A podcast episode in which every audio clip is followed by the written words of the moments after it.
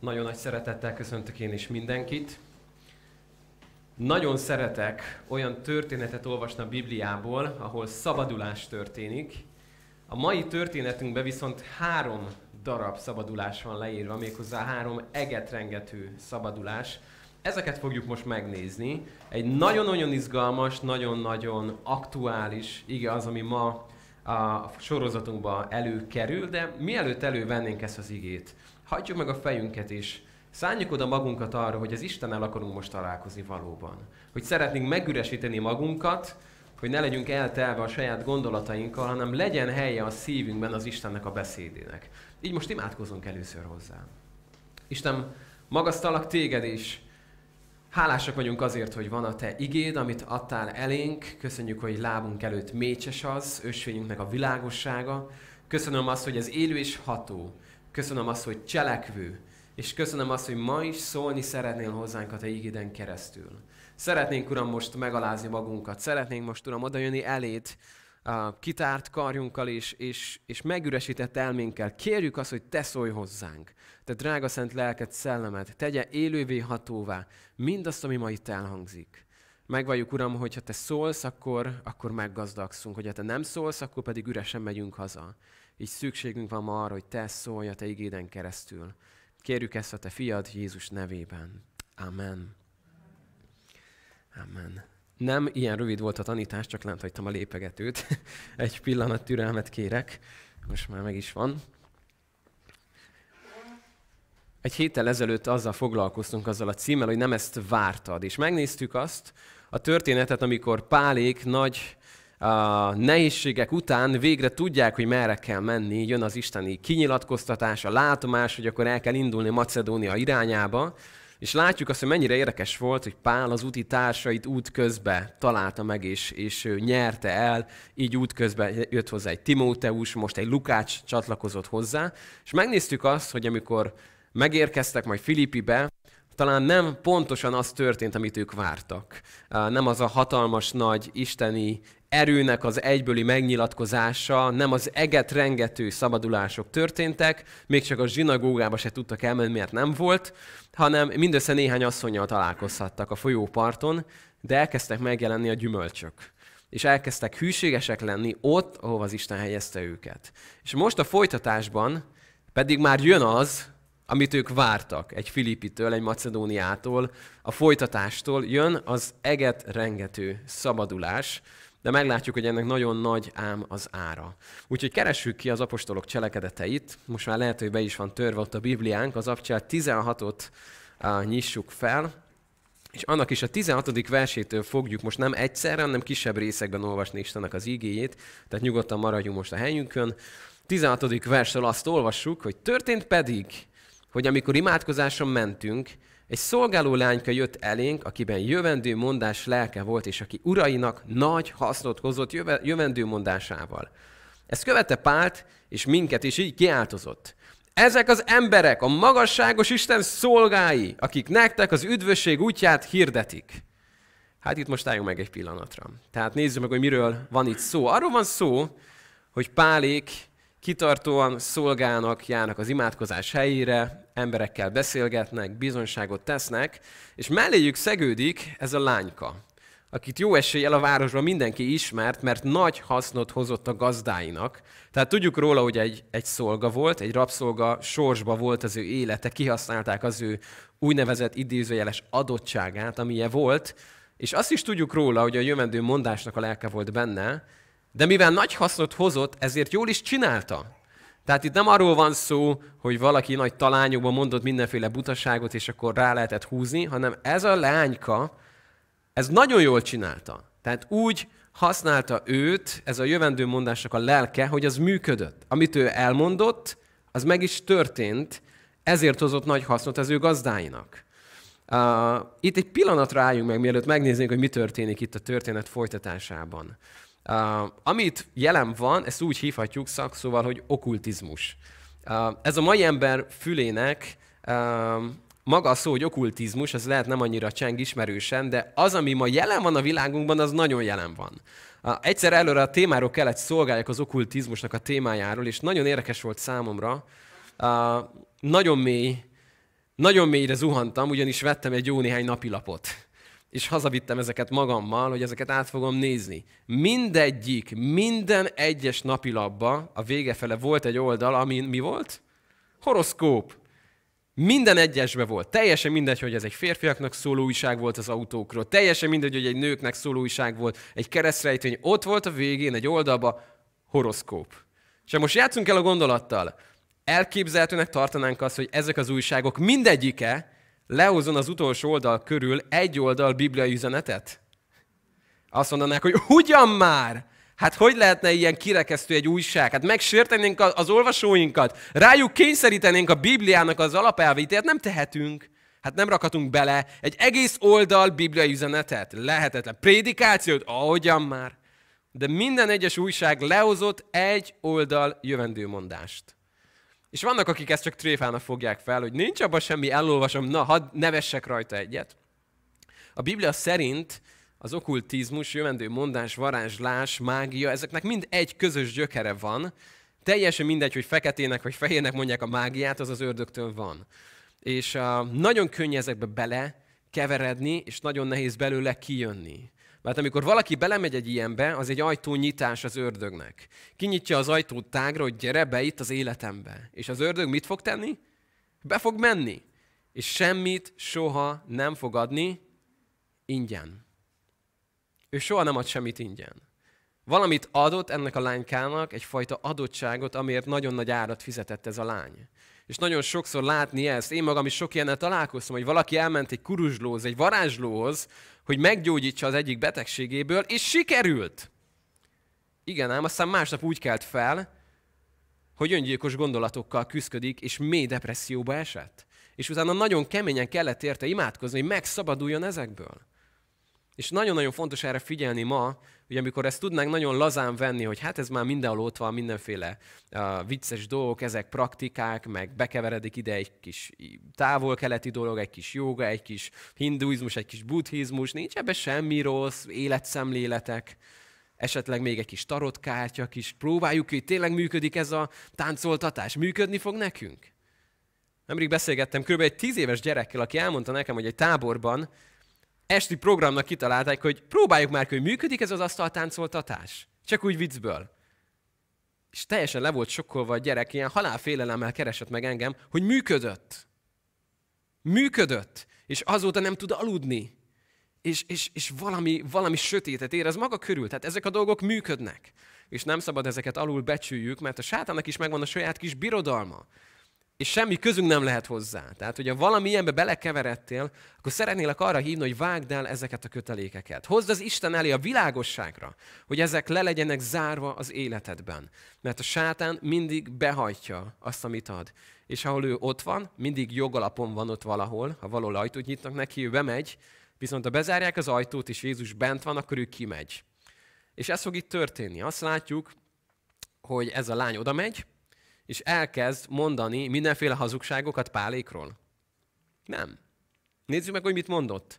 Azt olvassuk, ezek az emberek a magasságos Isten szolgái, akik nektek az üdvösség útját hirdetik. Mi rosszat mondott ez a lány?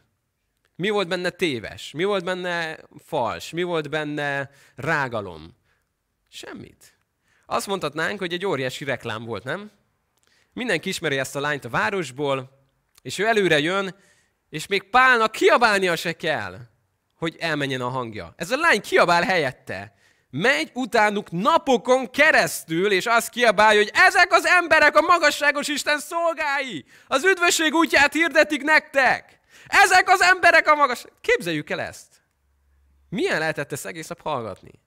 Amikor halljuk azt, hogy megérkezett a tollfelvásárló, bárkinek bármilyen tolla van eladó, tessék szólni, vagy kézzel inteni, és itt helyben a kocsinál átvételre kerül a sor. Megérkezett, milyen lehetett ezt egész nap hallgatni? Pál egy nagyon türelmes ember volt, mert azt olvassuk, hogy mikor már. Ezt sokáig hallgatta, de eljött az a pont, amikor ennek véget vetett. És egy nagyon fontos kérdés az, hogy miért. Semmi rosszat nem mondott ez a lány. Semmi hamisat nem mondott ez a lány. Képzeljük el, hogy valaki járkálna az utcán, akit Pécele mindenki ismer, és egy nagy tekintély, és azt kiabálná, hogy a baptista gyülekezet az Istennek egy szentelt gyülekezete, és az igazságot hirdetik nektek. És ezt kiabálná. Kicsit így masszírozná a tudatunkat, nem, hogy de jó ezt hallani. Hangosabban, még hangosabban. És azt olvassuk, hogy Pál azt mondta, hogy nézzük a folytatást, ez pedig több napon át művelte. Pál azonban, Pált azonban bosszantott ez, hátrafordulva azt mondta a léleknek. Nem a lánykának, a léleknek, nagyon fontos szó. Jézus Krisztus nevébe parancsolom neked, hogy menj ki belőle. És az még abban az órában kiment belőle. Miért? Egy nagyon fontos alapigasságot látunk itt az Isten igéjében, hogy számít a forrás. Igaz volt, amit mondott. Mondhatnánk azt, hogy az emberek figyelmét inkább pálékra helyezte, mint az üzenetre. Ez igaz lenne. Lehet, hogy ez is benne volt. De alapjába véve igaz volt, amit mondott ez a lányka. De nem volt igaz a forrás, honnan jött neki. És Pál, amikor látta ezt, úgy döntött, hogy neki nincs szüksége arra, hogy az ördög reklámozza. Neki nincs szüksége arra, hogy az Istennek az ellensége propagálja. Lehet, hogy Pál nem akarta azt sem megvárni, hogy előbb-utóbb meg elkezdjen a 90% igazság mellé 10% hazugságot betenni. Nem tudjuk. A lényeg az, hogy Pál véget vetett ennek. Mert számít a forrás, hogy honnan jön valami. Hogy az Istentől tisztán jön, vagy pedig az ördögtől jön. Uh, azt mondanánk, hogy ez egy nagyon messzi dolog, minket ez nem érint, ugye? De gondoljunk bele egy pillanatra. Tegyük fel, hogy van valaki, egy nagyon-nagyon tehetséges ember, csodálatosan tud mondjuk beszélni, vagy, vagy fantasztikus énekhangja van, vagy elképesztően tud játszani egyik vagy másik hangszeren. És amikor teszi, akkor mindenki le van nyűgözve. Mellette tudjuk azt, hogy még nincsen be az élete. Tegyük fel, csalja a feleségét, vagy épp a férjét, hogy a nőről van szó, vagy, vagy istentelenül él, vagy nincs kapcsolata az élő Istennel, de azt mondja a keresztény közösség, hogy senki sem tökéletes, nem? Hadd énekeljen nekünk, hadd játszon nekünk, hadd csinálja a dolgát, mert olyan szép, olyan jó, annyira helyén van. Olyan sokszor bukott már el a kereszténység ebben, hogy valakit hagytak azért valamit csinálni, mert kimagasló volt, de ha megnézték volna a forrását, akkor milyen volt az a forrás? Tisztátalan. Mit mond a Biblia? Az az Isten akarat, hogy a férfiak mindenhol mit csináljanak? Bűntől tiszta kezeket emeljenek fel. Bűntől tiszta kezeket. Nem az a célja, hogy kezeket emeljenek fel, nem a kirakat a célja, hanem az a célja, hogy bűntől tiszta kezeket emeljenek fel. És úgy imádkozzanak. Számít a forrás. És hiába mondott igazat ez a lányka, a forrás, ahonnan jött ez belőle, az tisztátalan volt. Az egy megkötözött élet volt. És Pál azt mondta, hogy akkor oda a reklám, de ennek véget vetünk. Rászólt erre a lélekre, nem a lánykára ordibált, hanem a léleknek szólt, és az abban az órában kiment belőle.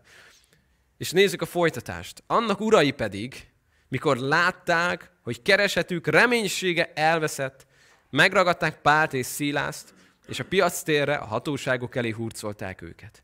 Oda vitték őket a bírákhoz, és azt mondták, nagyon-nagyon érdekes, amit történni fog, a börtönbe kerülünk mindjárt. Ez Pálnak most már egy elég bevett szokásra kezdheti megszokni, hogy elmegy valahova, elkezdi hirdetni az igét, keresi a zsinagógát, ha nincs, akkor máshol, és előbb-utóbb felkeresi a helyi börtönt.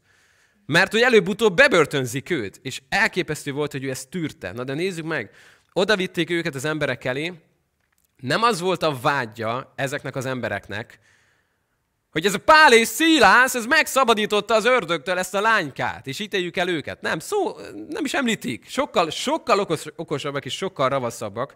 Azt mondják, ezek az emberek megháborítják a városunkat. Zsidók lévén olyan szokásokat hirdetnek, melyeket nem szabad nekünk sem átvennünk, sem követnünk, mivel hogy rómaiak vagyunk.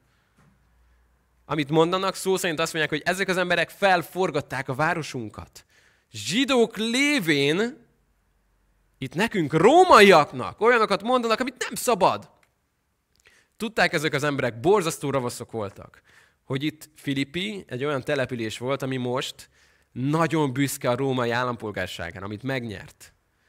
Nagyon büszke volt erre, hogy ők rómaiaknak mondhatják magukat, hogy aki Filippibe születik, az római állampolgár. És már egy elég erős zsidó ellenes hangulat volt, és nem sokára lesz, amikor zsidókat kiűzik majd Jeruzsálemből. És ez már érezhető volt. Tökéletesen tudták. Két dolgot kell említeni. hogy ezek zsidók, és hogy mi meg rómaiak vagyunk. Tökéletes volt a vád. Az embereket felhergelték, a saját büszkeségüket megnyomkodva, hogy néz, hát te római vagy, hát te ezt nem engedheted meg magadnak. És azt olvassuk, velük együtt a sokaság is ellenük fordult, a vírák pedig letépették ruháikat, megveszőztették őket. Miután sok ütést mértek rájuk, börtönbe vetették őket, megparancsolva a tömlőc tartónak, hogy szigorúan őrez, őrizze őket. Az pedig a parancsnak megfelelően a belső börtönbe zárta őket, lábukat pedig kalodába szorította. Pál újra börtönbe találja magát, és még nagyon sokszor majd az élete során, de mielőtt a börtönbe jutnak, egy nagyon érdekes dolog, ami nagyon sokat gondolkodtam. Ugyanis az fog történni most, kicsit, ha még nem nincs meg a történet folytatása, akkor lelövöm, hogy nem sokára jön a nagy földrengés, Pálék kikerülnek a börtönből, és szabadon távoznak, de Pál nem csak úgy szabadon fog távozni, hanem mit fog kérni? Hogy jöjjenek ide azok, akik minket bezárattak, mert hogy mi Kik vagyunk? Római állampolgárok vagyunk, és előveszi a római kártyát, elővette a római kártyáját, és az emberek megijedtek, a város vezetői megrémültek, mert egy római állampolgárral ezt nem tehetik meg. Nem lehet megveszőszedni, megbotozni, börtönbe záratni ilyen módon. Ebből óriási botrány lesz, ez kiderül, hogy ők ezt megtették kettő római állampolgárral. Na most egy kérdés, ami engem nagyon foglalkoztatott. Ha Pál elővette ezt a kártyát, a római kártyát, nem vehette volna elő egy kicsivel korábban? Na most képzeld el, tegyük fel, hogy én vagyok Szilász. Ott vagyunk Pállal, látjuk, hogy jön a csőcselék, látjuk azt, hogy veszik elő a botokat és a veszőket. Megbökném Pált, hogy Pál, itt az idő. Dob be a római dolgot, tudod? És mondja, Pál, nem. De Pál, ezek komolyan gondolják, ezek tényleg el fognak minket verni azt olvassuk, hogy nagyon sok ütést mértek rájuk. Nem olyan barátiak, ahogy egy, egy kis, kis fegyelmezés, hogy ennye benye, mert utána még a börtönőr majd késő este az sebeiket ápolta. Tehát ez a két ember, ez borzasztóan el lett verve. És amikor ott van Pál, és látja, hogy ebből nagyon nagy verés jön, nem veszi elő a római kártyát.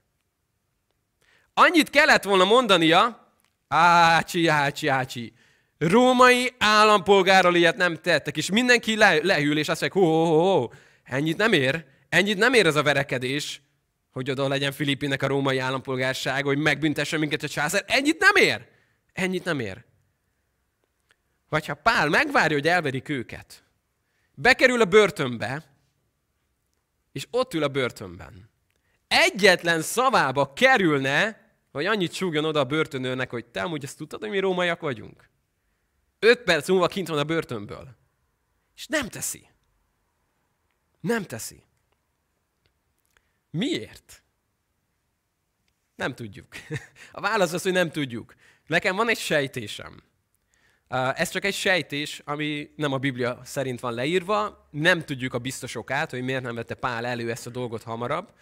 Nyilván abba biztosak lehetünk, hogy nem reggel jutott eszébe, hogy te szílász. Hát nekem most jut eszembe.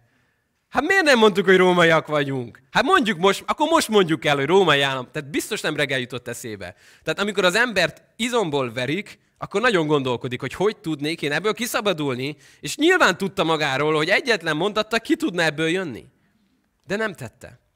Szerintem, és ez csak a saját egyszerű véleményem, szerintem Pál számára Isten valahogy jelezte, valahogy kijelentette, valahogy irányította a szívét arra, hogy Pál, jó lesz neked az, ahova most mész. Valami ott fog történni. Ne ellenkezz, ne rugódzál, hidd el azt, hogy valamiért te mész abba a börtönbe.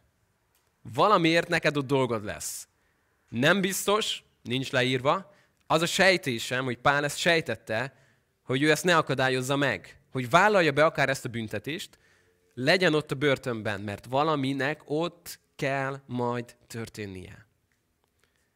És mi a, mi a folytatás? Minek kellene ott történnie? Azt olvassuk, éjfél tájban pedig Pál és Szílász imádkozott, énekkel dicsőítette Istent. A foglyok pedig hallgatták őket. Nem voltam még börtönben, vagyis voltam börtönben, mint, mint vendég, aki bemegy és kijön, aki bizonyságot tesz és kijön. Ami nagyon jó dolog, bemenni, bizonyságot tenni, és azzal a tudattal vagyok mindig, hogy Mennyire hálás vagyok, hogy én öt perc múlva innen ki fogok menni. Így voltam börtönben sokszor. Úgy nem voltam börtönben, hogy bebörtönöznek, és nem tudom, hogy mi lesz velem. El nem tudom ezért képzelni, de azt mondják, akik átélték a börtönnek a büntetését, hogy az első éjszaka mindig a legrosszabb. Az első éjszaka az, amikor tombolsz, az első éjszaka az, amikor ordibálsz, az első éjszaka az, amikor az öklöddel vered a falat, az első éjszaka az, amikor, amikor minden rossz feltör belőled és kitör belőled, mindig ez a legrosszabb. Utána kezdesz majd vele megbékülni, elfogadni, hogy ez van, ez a helyzet, de az első éjszaka az mindig tragikus. Első éjszaka, éjfél, éjfél tájban. Pál és Szilász nagyon sok mindent csináltott volna. Befordulhattak volna a fal felé dúzogva Istennek, hogy akkor alszok. Még az esti imámat sem mondom el. Börtönbe vagyok. Miattad? Mi rosszat tettem? Megszabadítottunk egy lányt a démonoktól, és mi a hála? Itt vagyok egy börtönbe. Tehette volna ezt? Tehetett volna fel kérdéseket, hogy hol vagy Istenem? Hol vagy ilyenkor? Hát nem te küldtél minket ide? Mi meg itt vagyunk a börtönben. Mit tudunk itt csinálni? Semmit. Nem missziózunk kellene? Bezzek Barnabás meg Márk, akik elmentek Ciprus fel, azok biztos ott vannak Szergius Paulusnak a tróntermében, és ott étkeznek vele, és egy telitál ebéd mellett beszélgetnek a hit dolgairól, mi meg itt sínylődünk a börtön mélyén. Apropó Barnabás és Márk. Hol van Timóteus? Őt miért nem hozták be ide? Hol van Lukács? Miért csak mi ketten kerültünk be Szilásszal? Nem tudjuk, hogy mi van Timóteussal meg Lukáccsal. Lehet, hogy külön mentek más után, evangelizáltak, de hogy ők miért nincsenek itt? Annyi minden lehetett volna Pálba. Annyi vádlás. Olyan mondatok, hogy jó, én befejeztem. Ennyi volt a misszióból. Pál második missziós útja véget ért, és nem lesz folytatás. Kihúztam a részemet a Krisztus szolgálatából. Én ma innen egyszer kijövök, letészem a lantot. Ennyi volt. Mit csinál Pál és Szilász? Azt olvassuk, éjfél tájban pedig Pál és Szilász imádkozott, és énekkel dicsérte az Istent. A foglyok pedig hallgatták őket. Ez fantasztikus. Biztos vagyok benne, hogy az összes fogolynak leült, leültek a földre, és nézték, hogy ilyen nincs. Ez nem lehet. Talán túl erős ütéseket mértek a fejükre, vagy mi van ezekkel, hogy amikor minden rossz, akkor elkezdik dicsérni az Istent. Hogyan? Miért? Minek? És hallgatták őket. Egy nagyon érdekes dolog ez. Nem tudom, hogy érezted de már úgy életedben, legalább egyszer, hogy nincs kedved most dicsérni az Istent. Én nagyon sokszor. Nagyon sokszor. Akkor is, amikor mondjuk nekem kell vezetni a dicsőítést. Van, hogy azt érzem, hogy most úgy nincs hozzá hangulatom, nincs az a kedvem, rossz napom volt, ez is elromlott, az is rossz, ez is, és most úgy nincs kedvem. És olyan sokszor jut eszembe Pál és Szilász, hogyha valaki mondhatja azt, hogy most nincs olyan hangulatom, mert hogy a lábaim be vannak kalodába zárva, nem tudok ülni igazából, mert vérzik a lábam mindenhonnan, és óriási sebek vannak a kezemen, a hátam tiszta zöld és lila folt, nem tudom, hogy valaha fel fog ebből gyógyulni a testem, úgy elvertek minket.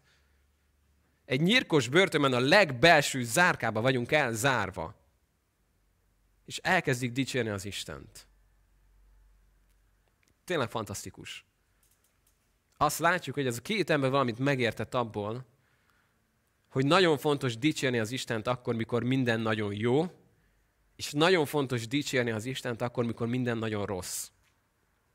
És ez a két terület általában lefedi a napunkat.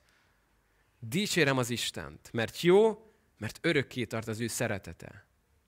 Akkor is, ha jó dolgok vannak, és akkor is, ha rossz dolgok vannak. Akkor is, ha kiszabadít éppen, és akkor is, hogy a tömlöcbe zár. Bármi történik, én dicsérem az én Istenemet.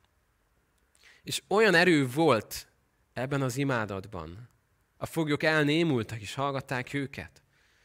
Hogy egyszer azt olvassuk a folytatásban, és hirtelen nagy földrengés támadt, úgy annyira, hogy megrendültek a börtön alapjai, és azonnal kinyílt minden ajtó, a bilincsek mindenkiről leestek. A második szabadulás. Az első volt a lányé, itt a második szabadulás.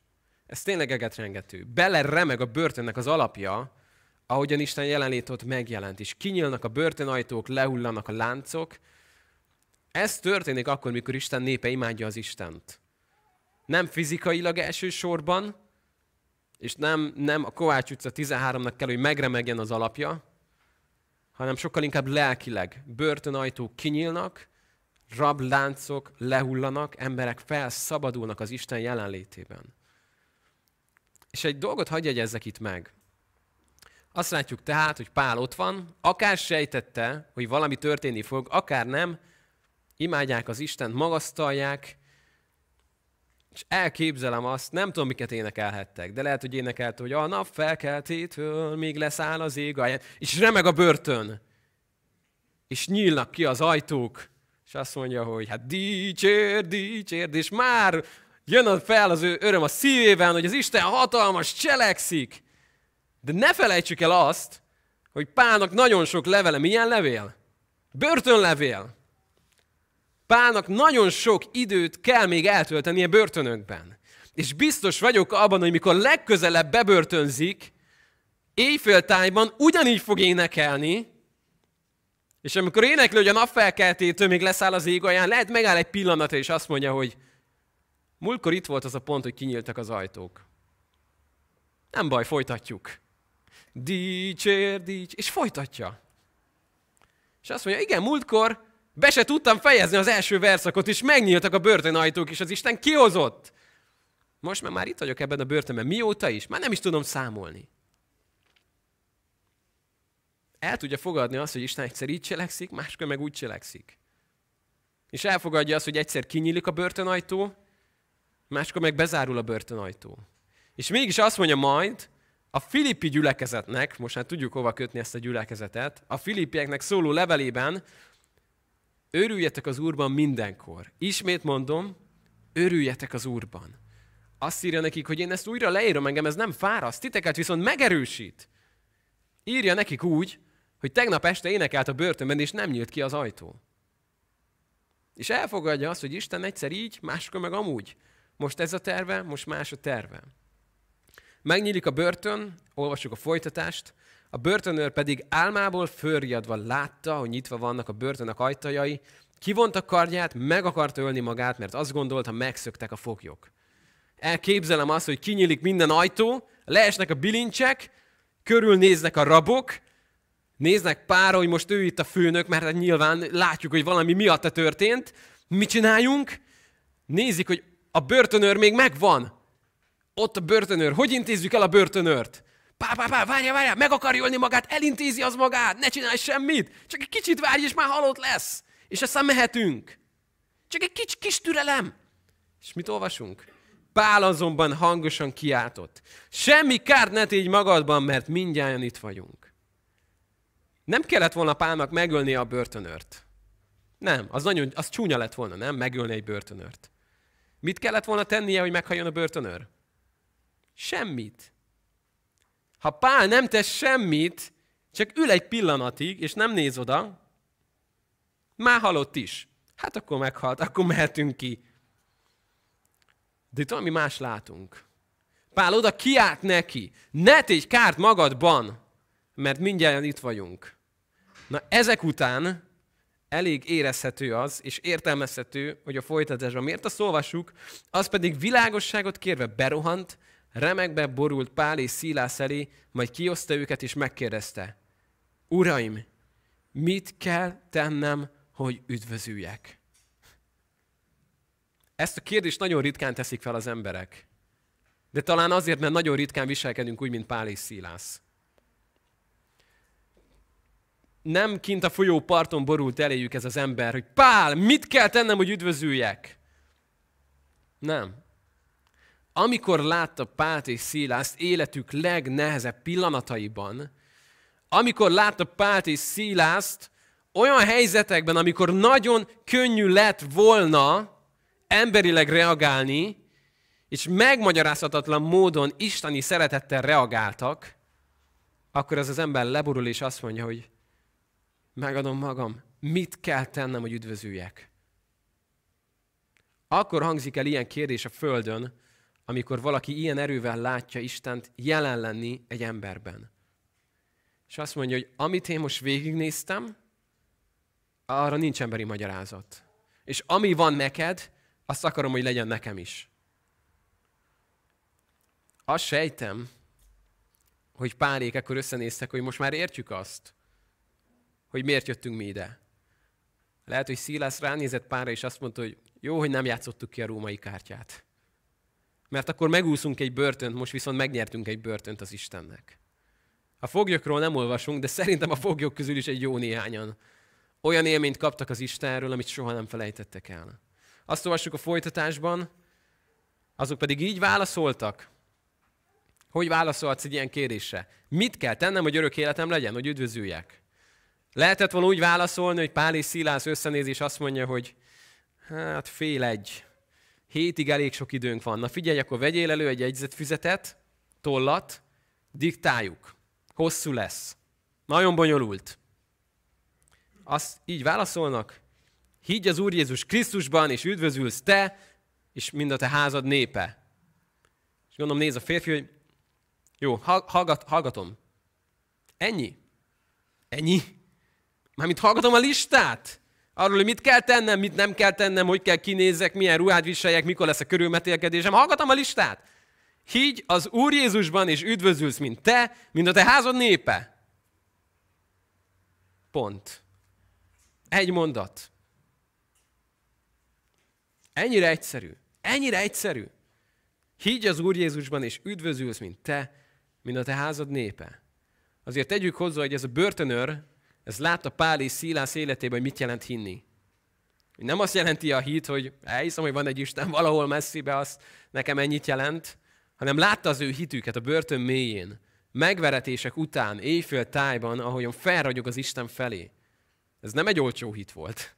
Ez egy igazi, kipróbált, valódi hit volt. És azt mondta Pál, higgy az Úr Jézusban.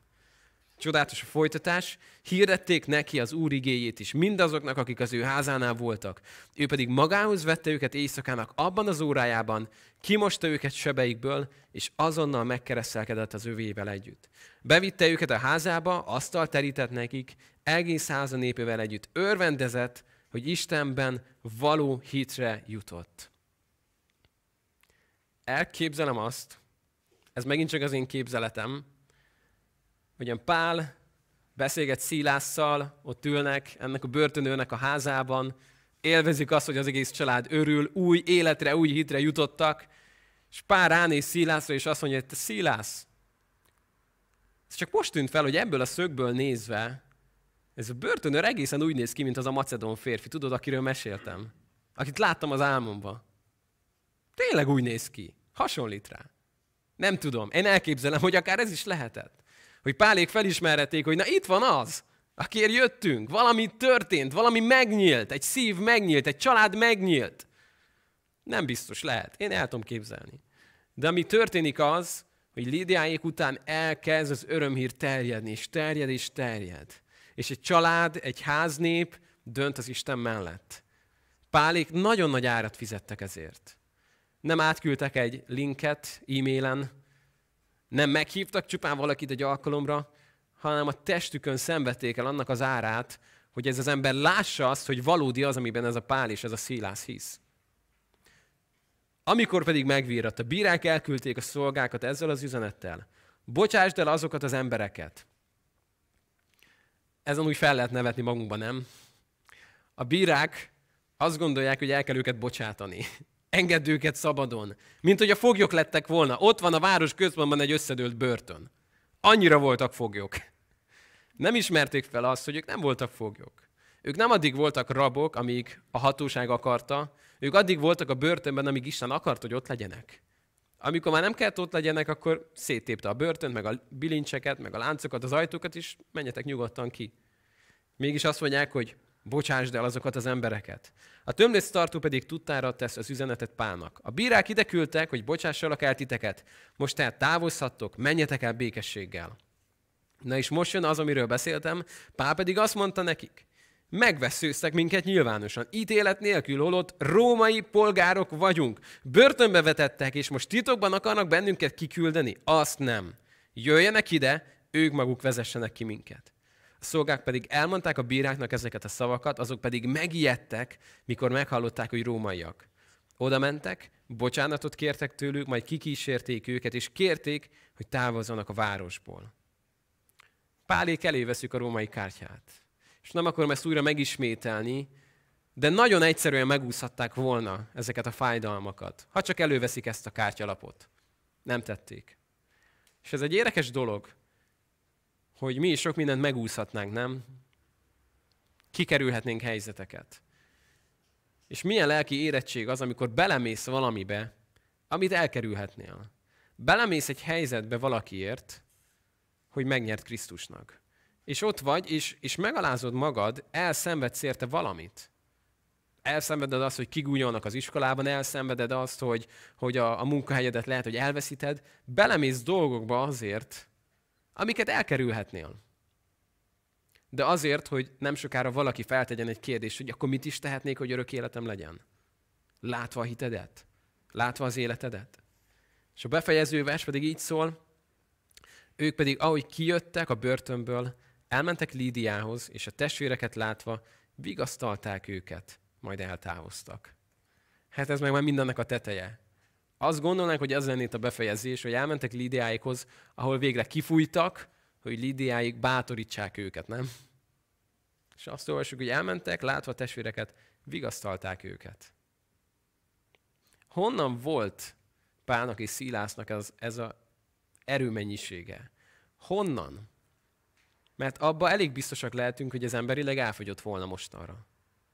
Biztos, hogy elfogyott volna. Amik ők emberek voltak, ami a Pál, meg ami a Szilász, az eddigre már elégett volna. Ez csak az Istentől van. Máshonnan nincs ilyen erő. Lehetetlen. Emberileg ezt nem tud megmagyarázni. Itt nem emberi dolgok történtek, hanem istenes dolgok történtek. Azt látjuk, hogy Pálnak és Szilásznak volt egy olyan összeköttetés a mennyből, hogy olyan dolgokat viseltek el, amit nem tudtak volna elviselni. Amikor látsz egy hangyát, ami a testsúlyának sokszorosát viszi a hátán, én mindig elcsodálkodok, hogy micsoda egy erős emberke ez itt, aki mászkál. Hogy bír el egy ekkora dolgot a hátán? Ő így lett alkotva. Én nem vagyok úgy alkotva, hogy elbírjak sokszorosát magamnak, nem. Az embert összenyomja.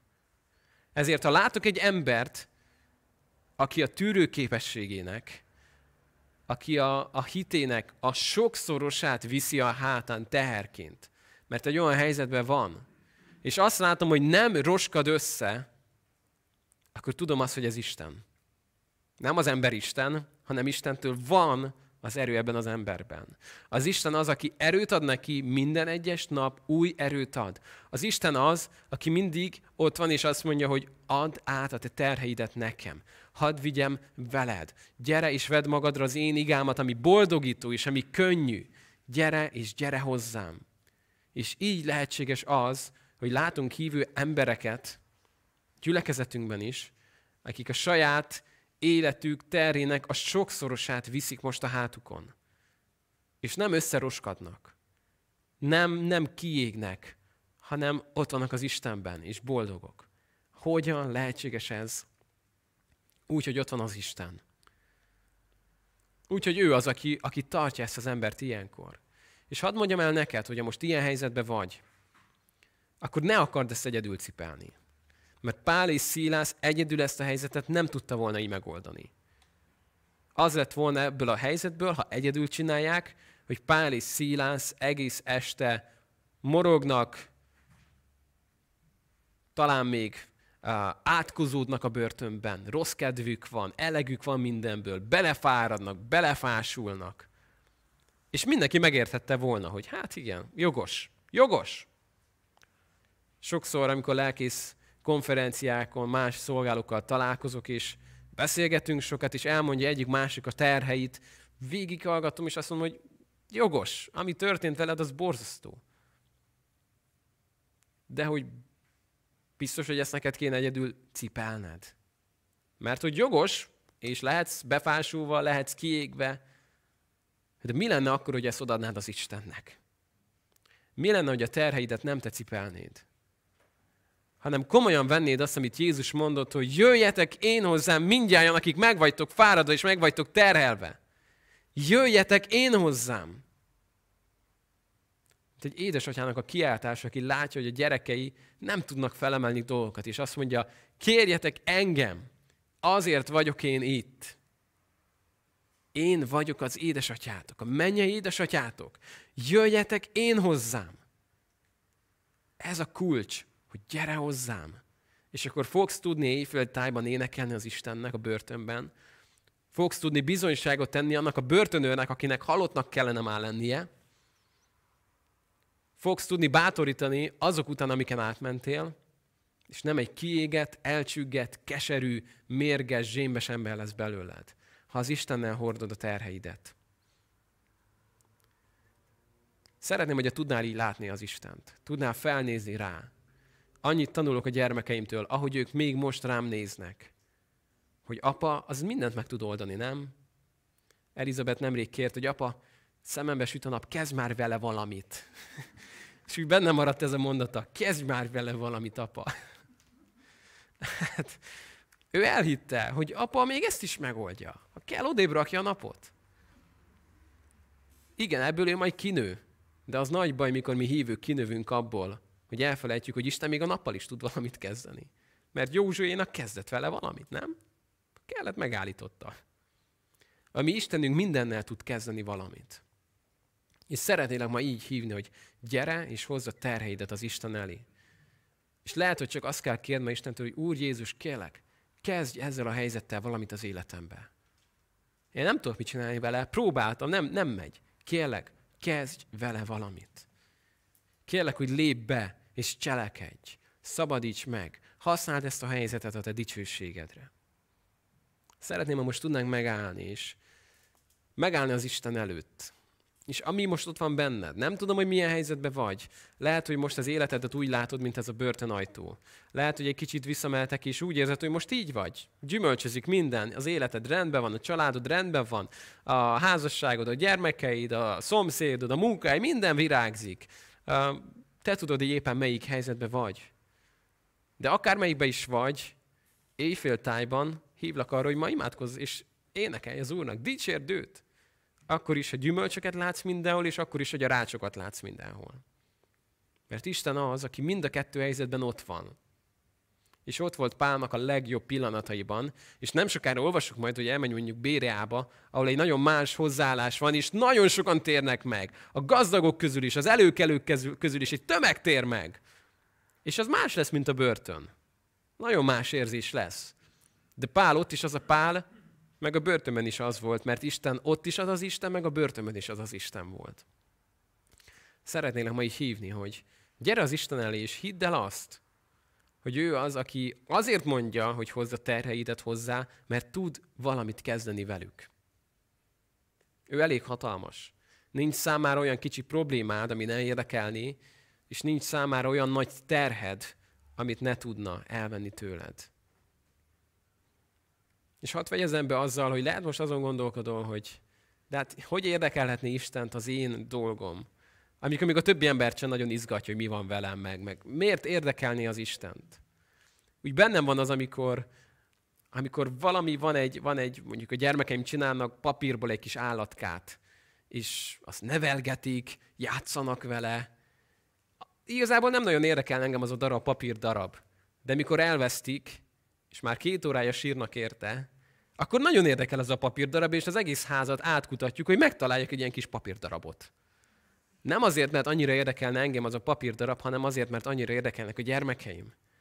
És miattuk érdekel az a papírdarab. És az Isten, aki a saját fiát nem kímélte, hanem odatta értünk engeszelő áldozatul, hogy ne adna most vele együtt nekünk mindent? Kéri Pál, hogy ne? Hát ez a szeretet, ez a kegyelem. Így amit elé hozol, a gyengeségeidet, az erőtlenségeidet, a kéréseidet, a kilátástalan helyzeteket. Ez érdekli őt, és meg tud indulni a mi erőtlenségeinken. Mert itt volt, és tudja azt, hogy milyen emberi testben élni. De nem bukott el, úgyhogy ki tud hozni a kudarcaidból, és győzelemre tud téged vinni. Most szeretném, hogy tudnánk megállni majd az Isten előtt, és elcsendesedni. Fiatalok vezetnek majd most minket egy énekben, ami talán segíthet abban, hogy jobban ráhangolódjunk, és egyszerűen csak megvalljuk azt, ami a szívünkben van, és letisztuljon, leülepedjen az, amit Isten szeretne ma nekünk mondani. Kérem, hogy hozzuk ezt most az Isten elé, és álljunk most fel, nagyon sokat ültünk már ma, a testünk is felfrissül, és talán jobban oda is tudunk figyelni. Énekeljük így az Istennek ezt az éneket.